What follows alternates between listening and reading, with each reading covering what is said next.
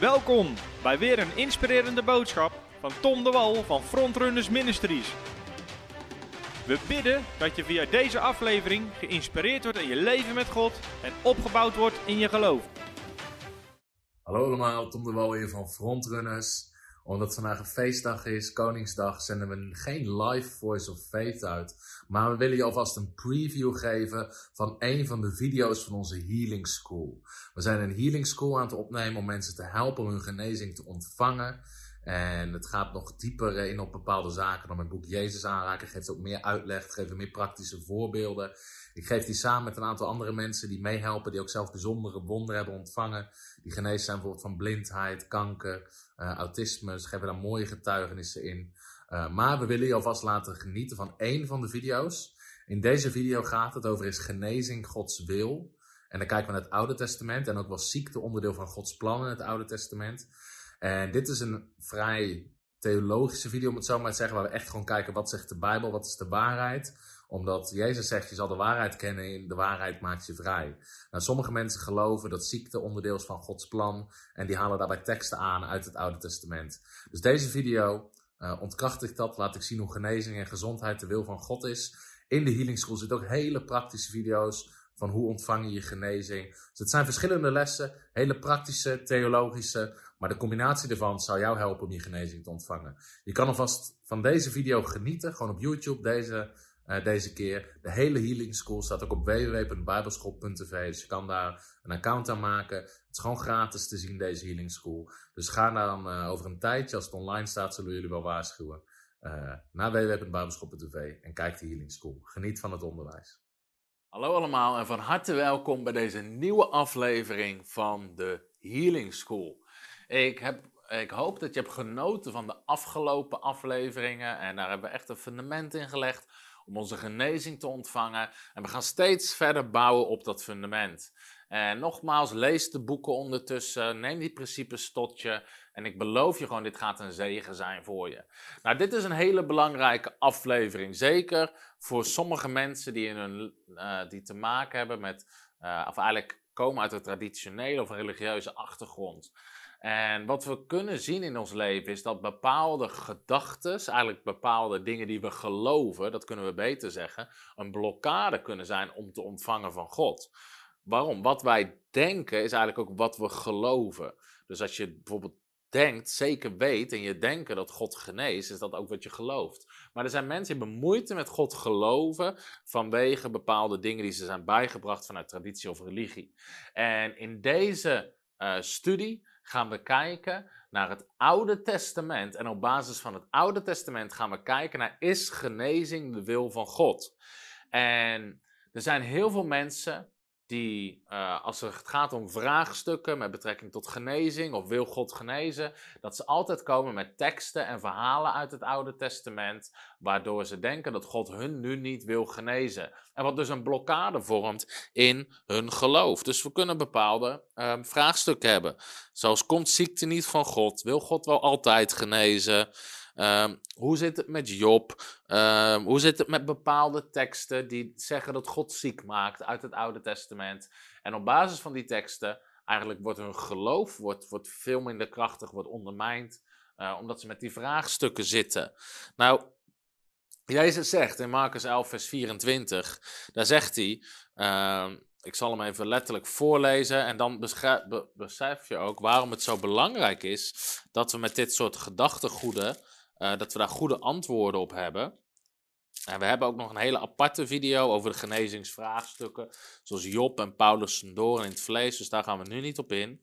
Maar Jezus zegt in Marcus 11, vers 24: Daarom zeg ik u: alles wat u biddend begeert, geloof dat u het ontvangen zult. Een andere vertaling zegt: geloof dat u het ontvangen hebt. En het zal u ten deel vallen. Dus Jezus zegt: geloof dat je het ontvangen zult. Geloof dat je het ontvangen hebt.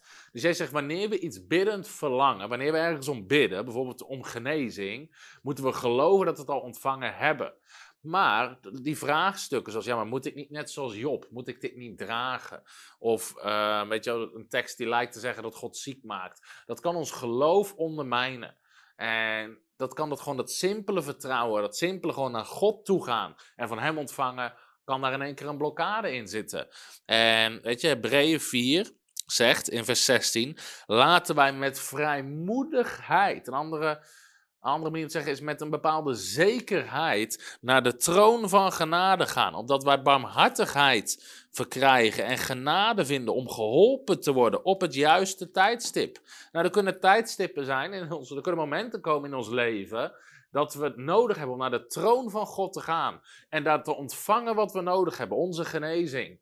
Maar de Bijbel zegt hier dat we met vrijmoedigheid moeten gaan. En naar de troon van genade. Nou, vrijmoedigheid is iets anders dan onzekerheid. En heel veel mensen die gaan met een bepaalde onzekerheid en ze weten niet, mag ik hier wel om vragen, wil God dit wel doen? Waardoor ze niet gewoon met vrijmoedigheid naar de troon van genade gaan en gewoon weten, ik heb hulp nodig en ik ontvang het, want God is genadig. En daarom zegt de Bijbel dat ons eigen hart ons niet moet veroordelen. In, uh, in Johannes 3 vanaf vers 20. En daarom zijn dit, is het zo belangrijk om antwoorden te vinden op dit soort vragen.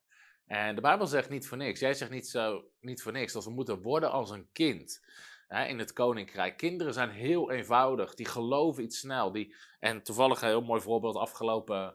Uh, mijn zoontje was jarig en uh, hij had een, uh, had, een, had een skelter gekregen. En we gingen nou een rondje mee rijden om te oefenen. En dat rondje wat we rijden, komen we altijd langs een, een watertje wat vlak bij ons huis ligt. Dus ik dacht, als we toch langs dat watertje rijden, dan neem ik wel mijn vishengel mee en dan kijk ik of ik een snoek kan vangen. En ik pakte mijn hengel uit de schuur. En uh, mijn zoontje, die is twee. En uh, die zag dat ik mijn hengel pakte. En die begon helemaal te springen en te dansen. En die riep vis vangen, vis vangen, vis vangen. En terwijl ik kan denken, ja, weet je wel, het, heet vissen en niet vangen. In andere woorden, je weet niet of dat je iets gaat vangen. Misschien bijten ze niet, misschien is het weer verkeerd. Uh, soms sta je uren te vissen en vang je niks. Maar mijn zoontje, als een kind, was al blij. Hij stond te dansen, te springen, te juichen dat we een vis gingen vangen. Nou, als, als, als volwassen iemand kan je, kan je denken van, joh, maar dat weten we helemaal niet zeker. Uh, dan moeten we nog maar afwachten. En, maar hij wist het al zeker. Dat is als een kind. Zo enthousiast, zo gewoon ontvangen. Hij ziet een hengel en hij, weet, en hij denkt, we gaan een vis vangen. Het komt helemaal niet bij hem op van, nou, misschien gaan we wel geen vis vangen. Misschien lukt het niet.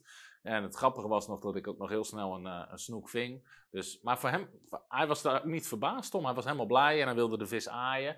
Maar als een kind zo blij meteen, toen, die, toen die, hij zag de hengel en hij wist, oh, we gaan een vis vangen. En toen dacht ik, dit is zo'n mooi voorbeeld van geloof. Want wij wel zeggen, geloof is de zekerheid van de dingen die we nog niet kunnen zien. Weet je, die vis was nog niet te zien, maar hij wist het al zeker. En dat is hoe kinderen zijn. En daarom is ook waarom kinderen zo makkelijk ontvangen.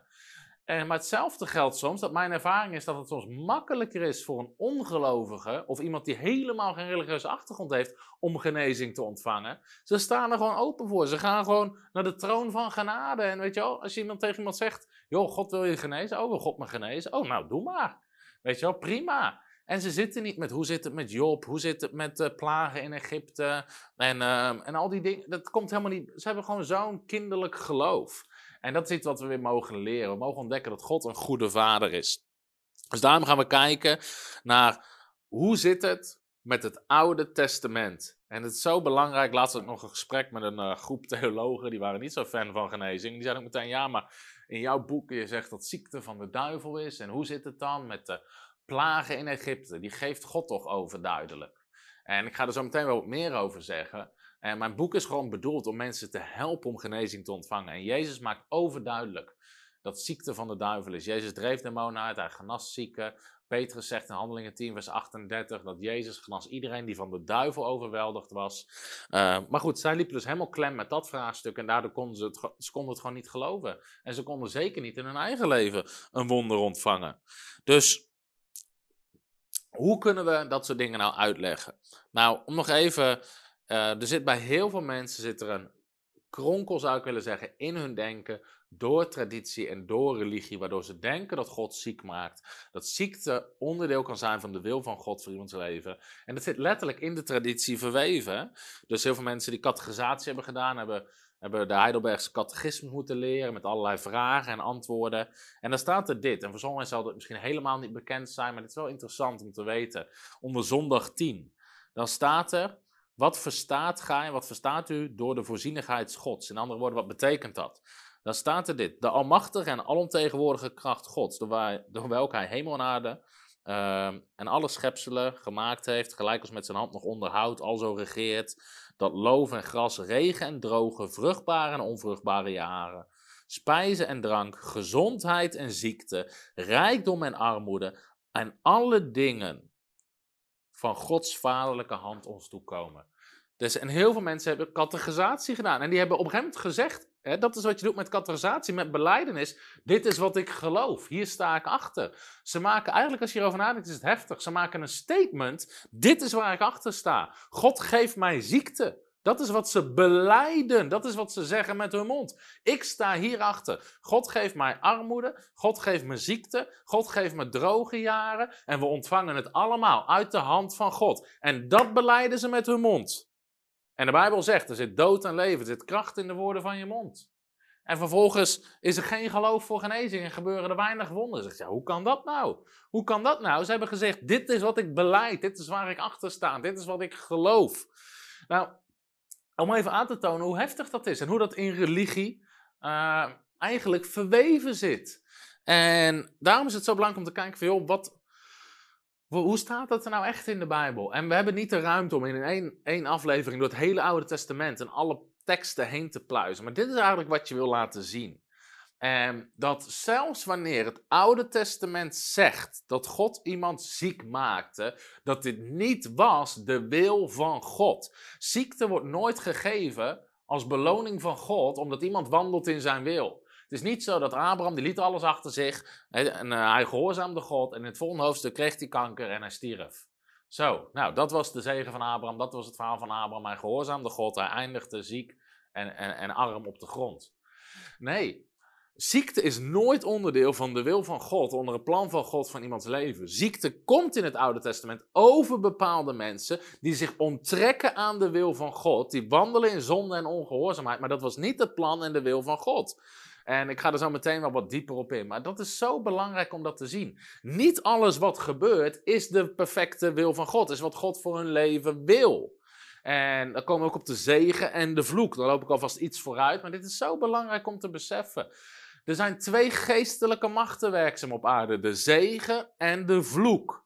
Maar wat was de wil van God? Was de zegen. God zegt niet voor niks in zijn woord: Ik zet voor u de zegen en de vloek, het leven en de dood. Kies dan het leven, kies de zegen, wandel met mij, wandel in de zegen. En als de Bijbel de zegen opnoemt, staat er niet: als u de Heer uw God gehoorzaamt, zal u ziek zijn, pijn lijden, armoede hebben, je kinderen zullen omkomen, je, zal, je huwelijk gaat kapot, je werk zal niks opleveren. Dat was allemaal onderdeel van de vloek. Wat God niet bestemd had voor zijn volk, maar waar ze wel zelf voor konden kiezen als ze wilden wandelen los van God. Maar dan kan je niet zeggen, nou, dan was dat de wil van God. Nee, nee, nee. Dat was helemaal niet de wil en het plan van God.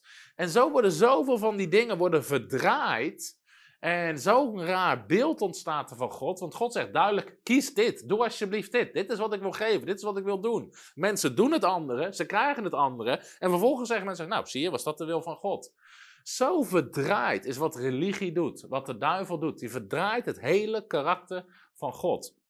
En dat is zoiets nasty's om te zien. Het, het houdt mensen gewoon weg van wat God wil geven. Nou, hoe moeten we het Oude Testament? En we gaan dus een uh, de volgende uitzending gaan we kijken naar het Nieuwe Testament. Maar hoe moeten we dat dan begrijpen? Laten we eens even kijken naar verschillende periodes in het Oude Testament. Wanneer we de Bijbel beginnen te lezen in Genesis hoofdstuk 1, daar zien we hoe God het perfect, volmaakt bedoeld heeft. Dan staat er dat duisternis lag over de aarde, maar God begint de aarde te scheppen. En God maakt de mens. En dan staat er dit in Genesis 1, vers 27. God schiep de mens naar het beeld van God, naar zijn beeld en zijn gelijkenis. Mannelijk en vrouwelijk schiep hij hen. En dan zegt de Bijbel in vers 28, en God zegende hen. God plaatste zijn bekrachtiging op hen. Dan zegt God, wees vruchtbaar, word talrijk, vermenigvuldig je, heers over de aarde. Gods plan was een plan van voorspoed. En ik weet dat vinden mensen soms een vies, vies woord in de kerk, maar God wilde dat de mens voorspoedig was. Dat ze zouden groeien, vermenigvuldigen, zouden heersen over de aarde. De Bijbel zegt niet, God maakte de mens en God zegende ze en zei, wees ziek, wees arm, wees miserabel en veel succes. Nee, de zegen van God was juist dat ze voorspoedig zouden zijn. En vervolgens staat er in vers 31, en alles wat God gemaakt had was zeer goed. God maakte een perfecte schepping. God maakte de mens niet om ziek te zijn, om arm te zijn, om pijn te lijden. Dat is nooit Gods plan geweest voor de mens. Mensen die denken dat ziekte onderdeel is van Gods plan voor de mens, hebben een totaal verdraaid godsbeeld. En ik weet dat dat hard klinkt, maar dit is toch niet wat we zien? God, heeft God Adam en Eva gemaakt? Ging Adam in een rolstoel door de Hof van Eden heen? Eva erachteraan met krukken en, en, en, en uh, zo'n infuus, weet je wel. Adam, niet te snel, ik hou het niet bij. Zuurstoftank. Nee, dat was nooit Gods plan voor de mens. Als je kijkt naar de Hof van Eden, hoe ze daar leefden, was in eenheid met God, in verzoening met God. Er was overvloed, er was eten, er was drinken en ze waren gezond. Ze wandelden in volmaakte gezondheid. Adam en Eva wisten niet eens wat ziekte was. Als iemand tegen zegt, joh, weet je, ben, ben je nooit ziek? Ziek? Wat is ziek? Ze wisten niet wat ziekte was. Ze kenden geen ziekte. Dat was niet in het plan van God. Dus kijk naar hoe God het bedoeld heeft. Als je wil weten, wat is de wil van God? Wat is, de plan, wat is het plan van God? Hoe heeft God de mens bedoeld? Zit ziekte in het plan van God voor de mens? Kijk naar hoe God de mens gemaakt heeft in het begin. Ook wanneer ze vragen stelden aan Jezus, zei Jezus vaak: In het begin heeft God het niet zo bedoeld. In het begin was het zo. God, Jezus pakte terug naar het begin, hoe God dingen gemaakt had. Want daarin zien we het volmaakte plan van God. En daarin zit geen ziekte, daarin zit geen ellende. En ziekte was zeker geen onderdeel van Gods plan voor de mens. Dus de eerste periode in het Oude Testament. Vervolgens zou je kunnen zeggen, wat gebeurt daar? Ziekte doet zijn intrede door de zondeval. En wat zie je daar? Dit is hoe God het bedoeld heeft. Volmaakte eenheid met God, relatie met God, gezegend zijn, gezondheid hebben, relatie met elkaar, gezondheid met elkaar. Maar de mens onttrekt zich aan die zegen, onttrekt zich aan die gehoorzaamheid en gehoorzaamt de duivel en komt terecht in de zondeval. En wat gebeurt daar? Vanaf dat moment lezen we in één keer over ziekte en ellende in de schepping. Niet door God. Dat was niet Gods plan. Het staat niet in Genesis 3. En God kwam op een dag naar beneden, wandelde met de mens en zei: Jongens, ik heb het toch anders besloten. Ik weet dat het allemaal mooi is en fijn is, maar vanaf nu ga ik de aardbodem vervloeken. Eva, het zal heel erg veel pijn doen om kinderen te baren. Adam, af en toe ben je ziek, heb je hoofdpijn, ben je misselijk, migraines, hoort er allemaal bij. En, uh, maar, maar, dit is gewoon mijn plan. Dit is, dit is mijn plan voor jullie. Nee, het was niet God die ziekte bracht in de schepping. Het was niet God die ziekte legde in de schepping. Het was de mens die ervoor koos om te eten van de boom van kennis van goed en kwaad. Die zich voor koos om een leven van bewustzijn van zonde. En de Satan te gehoorzamen. En met dat de mens kwam onder de heerschappij van de Satan. Zich ontrok aan het plan van God. De zonde in de schepping kwam. De vloek in de schepping kwam. Op dat moment komt de ziekte en ellende in de schepping. Maar dit was nooit zoals God het bedoeld had. En het is zo vertwist in mensen denken dat ze nu zeggen: ja, maar dat was de wil van God. Nee, het had niks met de wil van God te maken. Het deed God zelfs pijn. Zo'n pijn dat in Genesis hoofdstuk 6 God zegt: Ik heb spijt dat ik de mens heb gemaakt. Hè? Iedereen zondigde en dat is het alleen Noach was rechtvaardig in de ogen van God. Maar God had een plan. Dat door het offer van Jezus Christus, zei God al in Genesis 3, er komt een dag dat het zaad van de vrouw, dat wat uit de vrouw geboren gaat worden, de kop van de slang, het werk van de slang, zal vernietigen. Je, God profeteerde toen al. Er komt een oplossing door, en dan, nu weten we achteraf, door zijn zoon Jezus Christus, die zou sterven aan het kruis, onze ziekte, onze zonde zou dragen, die ons zou verzoenen met God. God had al een plan. Maar om het op te lossen, en dat is zo belangrijk om dat te beseffen. Nou, vervolgens zie je een bepaalde periode van de zondeval tot en met de wet van Mozes, om het zo maar even te zeggen. Wat gebeurt daar? Daar zie je, uh, in die periode zie je dat ziekte, zonde, uh, sterven zijn intrede doet in de schepping. Wat niet, nogmaals, niet de wil van God was voor de mens. En dan lees je bijvoorbeeld over de aartsvaders, Abraham, Isaac, Jacob. En wat je ziet is dat God gaat een verbond aan met Abraham, Isaac, Jacob, zijn nageslacht. En onder dat verbond, binnen die relatie, die verbinding met God, beloofde God weer zijn zegen. God zegende Abraham, net zoals God Adam en Eva had gezegend. Abraham, leefde in een gebroken en gevallen schepping, maar wel onder de zegen van God.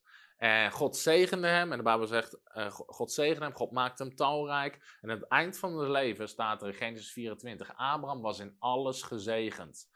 En ook in het verhaal van Abraham lezen we dat Sarah geen kinderen kon krijgen. Maar door te wandelen in geloof en gehoorzaamheid, God te gehoorzamen, um, uh, ontvangen ze daar een wonder, geneest zij en krijgen ze uh, kinderen. En, um, maar wat is dus de zegen van Abraham? En dat zie je ook met zijn kinderen, is juist niet dat mensen leven onder die ellende waar de hele wereld onder lijdt. Ze leefden wel in de wereld, ze hadden er soms mee te maken, maar zij leefden onder de zegen van God. En de Bijbel zegt ook over, en dat kunnen we, kunnen we ook wel in andere teksten lezen, maar Abraham op een gegeven moment in hoge ouderdom stierf hij. En het, is, dus het verhaal van Abraham is niet, nou, Abraham wandelde met God en hij was ziek, zwak, misselijk en trok in een rolstoel rond. Dat was niet het plan van God voor Abraham. Nee, God beloofde hem juist genezing, bescherming, al die dingen meer onder dat verbond. En wat gebeurt er dan? En dit is denk ik ook heel belangrijk. Dan komt op een gegeven moment de periode dat via uh, Jozef eindigt het volk in Egypte en het volk komt in slavernij terecht. En daarin zien we een paar hele belangrijke dingen. Want daarin lees je uh, inderdaad dat God die bevrijdt zijn volk na 400 jaar slavernij uit Egypte. Nou, dit was nog voordat er een verbond was via Mozes. Uh, maar dit was bedoeld om naar dat verbond toe te leiden.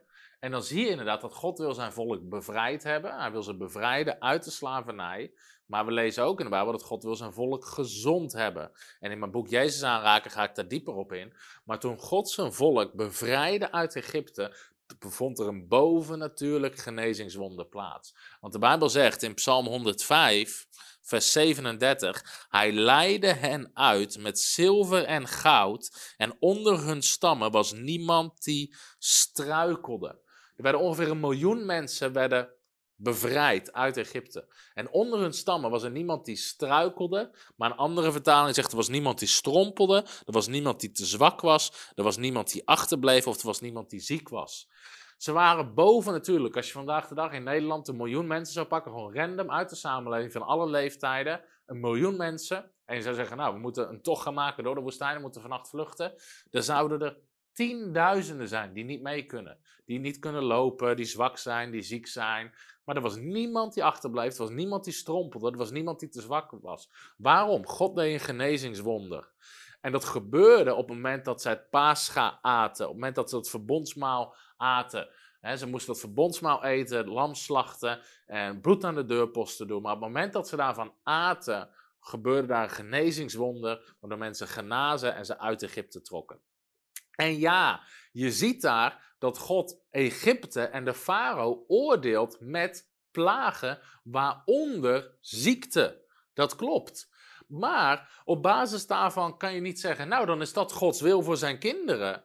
Dat is weer zo'n krom denken. Dan zitten mensen zichzelf te vereenzelvigen met, ja, weet je met de farao en met de Egyptenaren. Terwijl het juist laat zien dat God zijn kinderen wil bevrijden. En de farao en de Egyptenaren zijn een beeld voor de duivel en de duistere machten. Daar komt Gods oordeel over, die Gods volk in gevangenschap houden. Juist om zijn kinderen te bevrijden.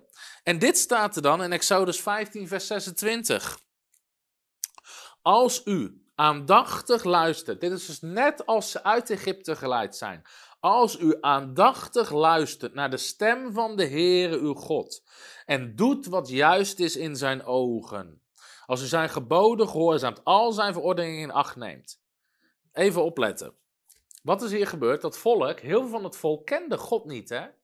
Het was wel het volk Israël, het was Gods volk, alleen dat wisten ze zelf nog amper. Mozes moest uitleggen door wie die gezonde was. En weet je, verbond met Abraham, al die dingen. Dus die mensen hebben 400 jaar lang, 10 generaties, als slaaf geleefd in Egypte. Hebben geen openbaring over wie God precies is. Ze kennen God niet. Het enige beeld wat ze hebben. Uh, zijn de goden van Egypte, Farao die dacht dat hij een god was, allerlei demonische afgoden. Dat is wat ze kenden. Ze wisten wel zelf, ja, wij komen uit Abraham voort en God is ooit aan hem verschenen, maar uh, wie en hoe. En ze kenden de verhalen, maar meer wisten ze niet. 400 jaar lang wisten, wat, leek het wel alsof God niet meer met ze begaan was, bij wijze van spreken. Nu leidt Mozes ze met wonderen en tekenen uit Egypte. Ze komen op een gegeven moment bij de berg waar ze de wet krijgen. Maar dan zegt God, dan in die context zegt Mozes dit.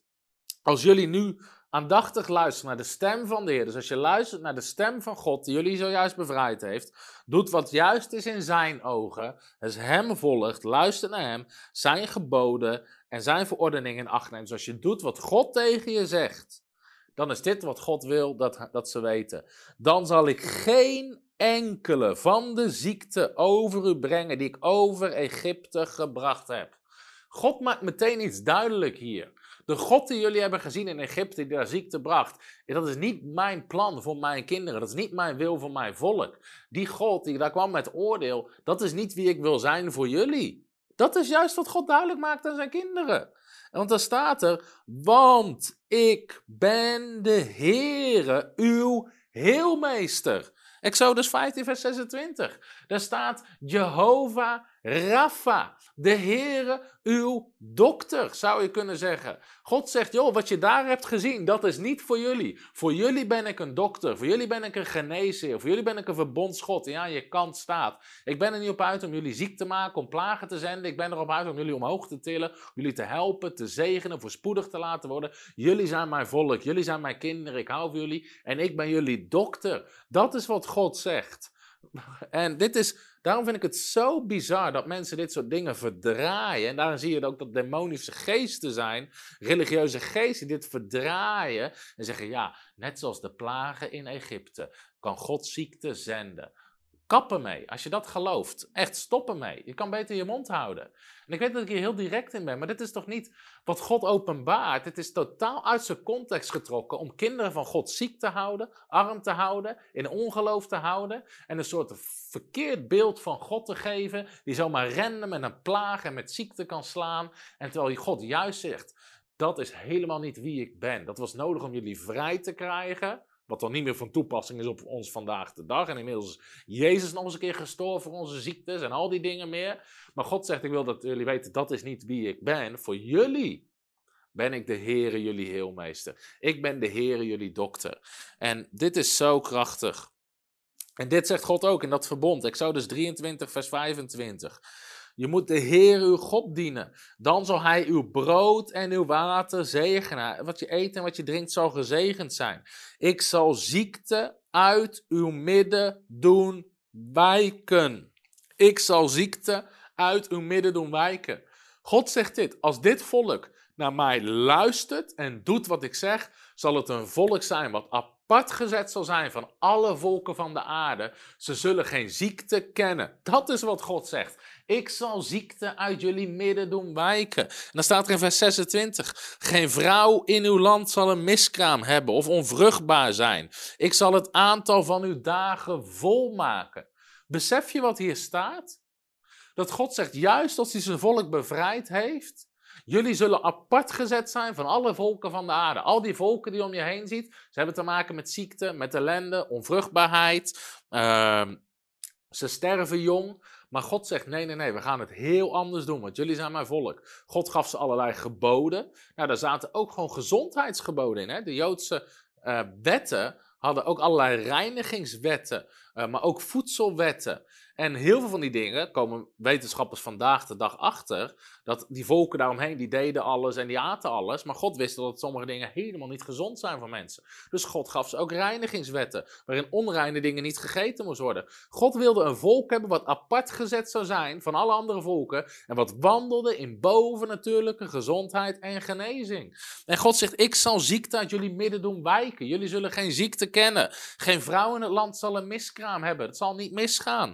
Uh, dus er, zal niemand onvruchtbaar zijn. Ik zal het aantal van uw dagen volmaken. De bedoeling was dat het het oudste volk op aarde zou worden. Waarin mensen gewoon pas stierven als ze gezegend waren, verzadigd waren van het leven. Zonder ziekte. Want God zei: Ik heb ziekte uit je midden. Zal ik doen wijken. Dus het is de bedoeling dat je zonder ziekte sterft. Dat was het plan van God voor Gods volk. Dan zeggen mensen, ja, maar waarom zien we dat dan niet? Omdat ze niet deden wat God zei. En God zei heel duidelijk: Ik zet voor je de zegen en de vloek. Als je niet doet wat ik zeg, zal je ook dit niet krijgen. Het was een verbond. God ging een afspraak aan met ze. En het volk is constant ongehoorzaam. Het zondigt tegen God. Het verenigt zich juist met die andere volken, terwijl God wilde dat ze er apart van stonden. Ze luisterden niet naar God, ze deden het tegenovergestelde. Keer op keer op keer op keer zondigden ze. En God had al aangetoond, Ik zet voor je de zegen en de vloek. En onder de zegen, wat Gods plan was, zei God, zal je gezond zijn, zal je gezondheid kennen, je zal voorspoed kennen, je, uh, je kinderen zullen gezond zijn, je huwelijk, je relaties zal gezond zijn. Dat is mijn plan. Kies de zegen. Maar het volk deed dat niet. En dan komen we uit bij de vloek. En in Deuteronomium 28, daar lees je ook dat als ze dat niet zouden doen, dat inderdaad het tegenovergestelde zou gebeuren. En dat God en staat er ook, en de Heere zal u, uh, zal u de pest geven, et cetera. Alleen wat mensen totaal uit de context trekken, zeggen, zie je, hier, God maakt ziekt. Nee, was dat Gods plan? Nee. Was dat Gods bedoeling? Nee. Was dat Gods wil? Nee. Wilde God het tegenovergestelde doen? Ja. Dat is het hele ding. Dus mensen pakken dingen totaal uit de context. Ze zeggen, ja, God is soeverein. Hij doet wat hij wil. Nee, dat was niet het probleem. De mensen deden wat ze zelf willen. Niet dat God deed wat hij zelf wil. Het is niet zo dat het volk, het verhaal is niet, nou, het volk was gehoorzaam, hield zich aan alle geboden, zei precies wat God zei. En op een dag werden ze allemaal ziek, stierven ze, kwamen ze in ballingschap terecht en het was een en al ellende. Dat is niet het verhaal. En dit is het grote probleem van religie. Ze schuiven alles af op Gods soevereiniteit. God is soeverein, hij doet wat hij wil, wanneer hij wil. Als God kiest om ziekte te geven, heeft de mens daar geen invloed op. Hè? God kiest, God bepaalt. Hè? Zondag 10, we ontvangen alles van de hand van de Heer. Ziekte en gezondheid. Wat een dwaling. Wat een totale misvorming van het karakter en het hart van God. En ik weet dat ik hard ben in dit soort dingen, maar het is zo'n verkeerd beeld van... Uh, zet het neer van wie God is. God heeft juist het tegenovergestelde bedoeld voor zijn kinderen. En nu heb ik het nog maar over het Oude Testament. Want dat, er waren bepaalde dingen die zaten onder de vloek. Onder de vloek van de wet. Maar wat is onder het Nieuwe Testament gebeurd? Galaten hoofdstuk 3 leert ons: Jezus is aan het kruis gestorven. Hij droeg de vloek. Hij heeft afgerekend met de vloek van de wet. En heeft de zegen van Abraham op ons gebracht, op de heidenen. Dus wij hebben helemaal niet, weet je, die, die vloek is niet meer van toepassing. Jezus heeft de prijs betaald voor die zonde en ongehoorzaamheid. Juist zodat je de zegen zou ontvangen. Waar genezing, waar voorspoed, waar al die dingen onder horen. En dat is de wil van God. En daarom, ik kan er zelfs boos om worden als mensen zeggen: ja, maar oh, nou, die gelooft in prosperity gospel. Dat God, dat God je wil zegenen. En ze spreken het uit alsof het een scheldwoord is: zegenen. Woe! Weet je, al die mensen die zeggen, oh, zegenen. En al die mensen, als ze 100 euro op straat vinden, weten ze niet hoe snel ze moeten bukken en, en oh, prijs God. Weet je, dat, dat lijkt wel schizofreen. Maar Jezus is gestorven opdat je gezegend zou zijn. Jezus is gestorven om jou die zegen te geven. Jezus is gestorven om jou die genezing te geven. Door zijn striemen ben je genezen. Door zijn striemen, door die vloek te dragen, ben je niet langer onder de vloek van de wet. Ben je niet langer onder gevolgen van zonde en ongehoorzaamheid. Maar is juist die zegen van Abraham bij je gebracht. Daarom ben ik er zo fel over. En mensen zeggen, oh, pas op hoor, die geloven, die geloven in prosperity, dat God je gezond wil hebben. Ja, ik geloof dat God me gezond wil hebben. Hij is ervoor gestorven, hij laat het zien door zijn hele woord. En mensen die iets anders zeggen, ze zijn totaal misleid en hebben het karakter van God misvormd. En ik weet, dat het, ik weet dat ik hard bezig ben, maar dit is gewoon wat we zo uit het denken van mensen moeten. Hoe kan het in de kerk zijn dat we voorin staan te beleiden? Ja, ik ontvang ziekte en armoede uit de hand van God. Dat is helemaal niet Gods plan. Hij is gestorven. Jezus is gestorven aan het kruis om je ervan te verlossen. En jij staat te zeggen dat je het wil ontvangen. Het is, er is zoveel religie waar mensen vanaf moeten komen. Er is zoveel religie waardoor mensen soms gewoon niet kunnen ontvangen wat God zo graag aan ze wil geven. En dat is zo'n zonde. En daarom predik ik hier zo hard tegen om dit gewoon duidelijk te maken. De zegen is het plan van God voor je leven. En God beloofde juist een geneesheer te zijn voor zijn volk. God zei al tegen Abraham, Genesis 15, vers 15. U zult in vrede tot uw vaderen heen gaan. U zult in goede ouderdom begraven worden. Dan zegt hij bij me Genesis 25, vers 7. Dit is het aantal jaren van het leven van Abraham dat hij geleefd heeft. 175 jaar. Toen gaf Abraham de geest en stierf in goede ouderdom. Oud en van het leven verzadigd. En werd met zijn voorgeslacht verenigd. Jacob staat er in Genesis 49, vers 33. Toen ja, Jacob klaar was met het geven van bevelen aan zijn zonen. Jacob had zijn hele leven afgerond. Legde hij zijn voeten bij elkaar op het bed en gaf de geest en werd verenigd met zijn voorgeslacht. Toen hij klaar was, stierf hij zonder ziekte, zonder ellende. Um, tekst na tekst, Exodus 15 hebben we gelezen, Exodus 23. Achter in mijn boek heb ik 150 teksten staan over uh, genezing. Um, maar iedere keer dat we zien dat God, en dat is ook nog belangrijk, ondanks dat je soms leest dat God ziekte geeft in het Oude Testament, was het nooit de wil van God. Hè? Bijvoorbeeld dat verhaal in Numeri waar ze zondigen, ze doen exact het tegenovergestelde wat God zegt. Daardoor kwamen ze onder de vloek, dan komen die gifslangen. Maar God zegt meteen tegen Mozes, pak een slang, zet hem op een stok en iedereen die daarna kijkt zal leven. God komt meteen met een plan van ik wil niet dat ze ziek zijn, ik wil dat ze genezen. En uiteindelijk verwijst dat naar Jezus, uh, waar wij naar kunnen kijken. Deuteronomium 5, vers 33. Heel de weg die de Heer uw God u geboden heeft, moet u gaan, dat u leeft, dat het u goed gaat en u de dagen verlengt en het land in bezit zal nemen. Deuteronomium 7, vers 15. De Heer zal alle ziekten van u weren. En zoveel tekst over. Deuteronomium 11, vers 9. Dan zult u lang leven in het land dat de Heer u aan uw voorouders en de nageslacht heeft beloofd. Het land dat overvloeit van melk en honing. Allerlei teksten die ons laten zien dat ziekte niet de wil van God is. En uiteindelijk zie je gewoon het volk is constant ongehoorzaam. Ze komen onder ballingschap, ze komen onder ziekte, ze komen onder ellende. Maar het was niet het plan van God. God had zoiets anders gewild voor zijn volk. Alleen het lukte niet door zonde en ongehoorzaamheid. En wat doet God vervolgens? Hij zendt zijn enige geboren zoon, Jezus Christus, omdat hij zelf de prijs zou betalen voor die zonde en ongehoorzaamheid. En het gewoon alle mensen weer onder die zegen van Abraham te brengen. En dit is, kijk, en dat is zo'n nasty soms aan religie. En daar moeten mensen teksten goed lezen, maar helemaal in de context lezen. En bijvoorbeeld zo'n Deuteronomium 28, als je dat tweede gedeelte leest, dan kan je ja, zie je, God geeft ziekte. Maar als je het eerste gedeelte gewoon leest, dan zie je, wacht, ziekte is onder de vloek. Dat is helemaal niet het plan van God. God wilde dat helemaal niet. En daarom is dat zo nasty. En dit zat ik te lezen, bijvoorbeeld over, over die zondag 10. Uh, waar er staat van, hè, zullen we niet rijkdom, armoede, al die dingen. Nou, er staan ook allemaal teksten bij. Maar dit zat ik te lezen van uh, iemand die had hier een stuk over geschreven in zijn boek. Hij zei dat de teksten die de catechismus hiervoor ter ondersteuning gebruikt, pleiten daar juist niet voor. Er staat, God geeft alle levensadem, bepaalt tijden en woongebieden, is overal aanwezig, schenkt regen, vruchtbare seizoenen en overvloed aan eten. Nergens in deze teksten wordt gesproken over droogte, onvruchtbaarheid, ziekte of armoede. Dus de teksten pleiten juist voor het tegendeel. De Nederlands gereformeerde, predikant Karel Kraan noemt zondag 10 een theologisch bedrijfsongeluk. In andere woorden, dit had er helemaal niet in mogen staan, want die teksten worden voor het totaal tegenovergestelde uh, gebruikt. Bovendien, mensen zeggen ja, maar God geeft soms ziekte. Dezelfde mensen die zeggen God geeft soms ziekte, kijk naar het Oude Testament, zodra ze ziek zijn, rennen ze naar de dokter. Ja, God geeft soms ziekte om iets te leren. Waarom ga je dan naar de dokter? Probeer je onder de leerschool van God uit te komen? Als jij gelooft dat God ziekte geeft om iets te leren, moet je niet naar de dokter gaan, moet je geen medicijnen slikken, moet je het gewoon ervaren. Om even aan te tonen, dat is juist de verkeerde denkwijze, want mensen moeten gewoon zeggen, dit komt niet van God, het is de duivel, Jezus de dief komt om te roven, te stelen, vernietigen. Gaan we in het Nieuwe Testament naar kijken, waarin veel meer openbaring komt. want Jezus laat ons de Vader zien. Maar even aan te tonen hoe krom dat denken is. Mensen beleiden eerst, ik zal alles ontvangen van de hand van God. Maar vervolgens als ze ontvangen wat ze niet willen, rennen ze naar de dokter om er vanaf te komen. Lieve mensen, laten we stoppen met dat soort religie. En gewoon aanvaarden, wat zegt het woord van God? Waarvoor is Jezus gekomen? Waarvoor is Jezus gestorven?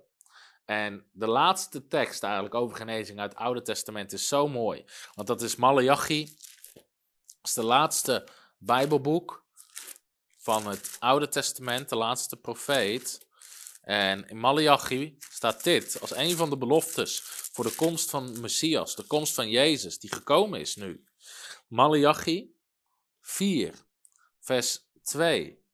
Daar staat: Maar voor u die mijn naam vreest, zal de zon der gerechtigheid opgaan. En dat spreekt over Jezus. En onder zijn vleugels zal genezing zijn zal genezing zijn. Dus juist die laatste, de, de zon der gerechtigheid, Jezus Christus, de Zoon van God, gaat komen. En daar zal genezing en herstel zijn. Dus dit is zo belangrijk om te beseffen. En ik weet, we hebben het Oude Testament in een vogelvlucht gedaan, maar hiermee is wel alles gedekt. De wil van God is dat je gezond bent, dat je gezegend bent, is dat alle ziekte uit je leven geweerd wordt.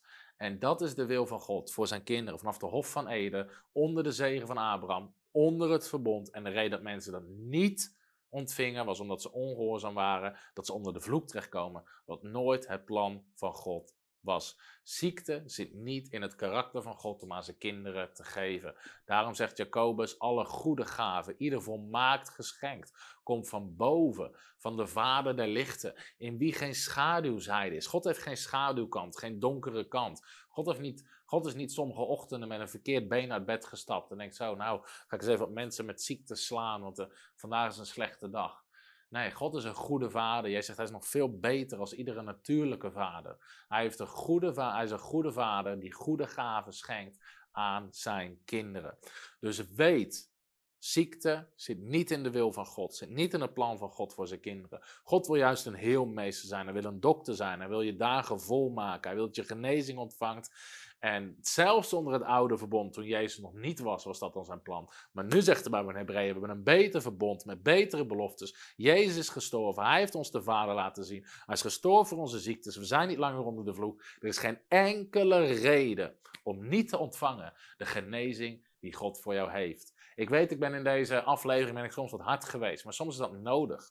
Jezus zei, je zal de waarheid kennen en de waarheid zal je vrijzetten. Ik heb ook ontdekt, voordat de waarheid je vrijzet, doet het soms even pijn. En soms hebben we het nodig dat mensen even hard zeggen waar het op staat. Ik heb dat in mijn eigen leven ook nodig gehad, omdat ik kom ook uit een achtergrond waar uh, waar mensen zeiden, ja maar dit, en ja maar de plagen, en ja maar Job, en ja maar zus, en ja maar zo. En ik heb zo, zelf zo lang daarover gedaan. Weet je, dit, dit, is, sommige van deze dingen. Weet je, dit heb ik gewoon el, in mijn Bijbel, iedere tekst over genezing zocht ik op. Want ik wilde weten, wie is God? Weet je, is, is, is dit echt wie God is? Wie die mensen zeggen dat hij is? Of is God anders? En ik ben erachter gekomen, God is anders dan wat heel veel mensen mij vertelden. God is een goede God. Hij houdt van zijn kinderen en hij wil het beste voor ze. Dus soms ben ik hard om mensen daar juist uit te halen. En misschien heb je het nodig om deze uitzending, deze aflevering 10 keer, 20 keer te luisteren. Om je denken te vernieuwen. Doe dat dan. Ga niet verder totdat je je denken vernieuwd hebt. Het begreep hebt. In je hart gedaald is voor sommige mensen moet er een heilige verontwaardiging ontstaan. Van wat heb ik altijd verkeerde geloofd? Nou, ik weiger het. En nu ga ik ontvangen wat God voor me heeft. Dan zijn we aan het werken aan geloof en zekerheid en vrijmoedigheid. Om gewoon in die troon van genade te gaan en te ontvangen wat God voor ons heeft.